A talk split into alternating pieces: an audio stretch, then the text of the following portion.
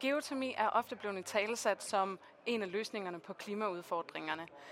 Det er øh, noget, som I arbejder rigtig meget med øh, i Energi og Samir, hvor du er direktør. Kan du fortælle mig, og det er sikkert også et spørgsmål, du får rigtig, rigtig ofte, hvor langt er vi med de her geotermiske løsninger i Danmark? Jamen, vi er faktisk så langt, så der snart begynder at komme øh, geotermisk varme, og det første geotermiske varme kommer i 25 i Aarhus, og vi har faktisk allerede i de her dage bestilt borerækken, der, der kommer til at rulle ind i Aarhus næste år øh, og bore de første brønde. Og øh, geotermi har været noget, der har været forsøgt af flere omgange, øh, i hvert fald her i Danmark. Hvor ligger udfordringerne, eller hvor har I i hvert fald set udfordringerne og også løst dem, siden I nu kan sige, går i gang?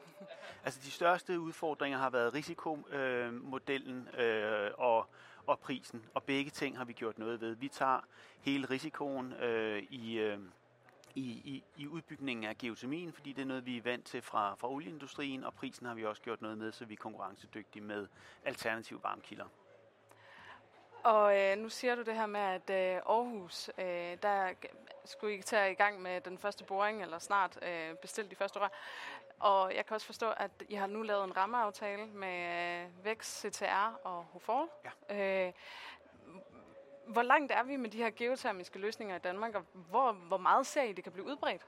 Altså, som vi plejer at sige, så har vi de to store lokomotiver på plads nu. Vi har det store anlæg i Aarhus på plads, og vi har det store anlæg på, i København, eller LOI på plads, og vi forventer, det selvfølgelig øh, øh, udvikler sig yderligere. Men når du har de to store storskalaanlæg på plads, så kan vi rulle det ud til resten af Danmark, til de mellemstore og mindre øh, byer, som måske kun har brug for et brøndpar. Men fordi de bliver lavet i forbindelse med de her to, to storskalaanlæg i, øh, i Aarhus og København, så, øh, så kan vi rulle det ud til resten resten af Danmark også.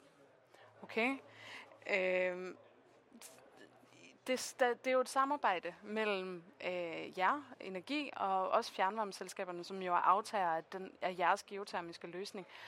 Hvis det her skal være en succes, øh, hvordan skal et samarbejde mellem fjernvarmeselskab og, øh, og energi så være? Øh, Altså det er meget, meget tæt samarbejde, og det er også det, vi har lagt ind i vores forretningsmodel. Altså vi har helt open books omkring vores omkostninger, og, og det bliver det nødt til at være, fordi at, at vi skal arbejde så tæt sammen for at skræddersy det bedste anlæg til hver enkelt by. Og det er forskelligt afhængig af, hvordan fjernvarmesystemet er, hvordan undergrunden er.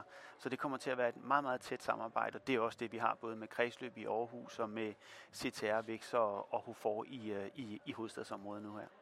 Og I har allerede nogle samarbejder i gang øh, de her to steder. Er der nogle øh, anbefalinger, I kan komme med allerede nu til sektoren? Øh, fordi det er jo en løsning, vi skal kigge meget mere ind i.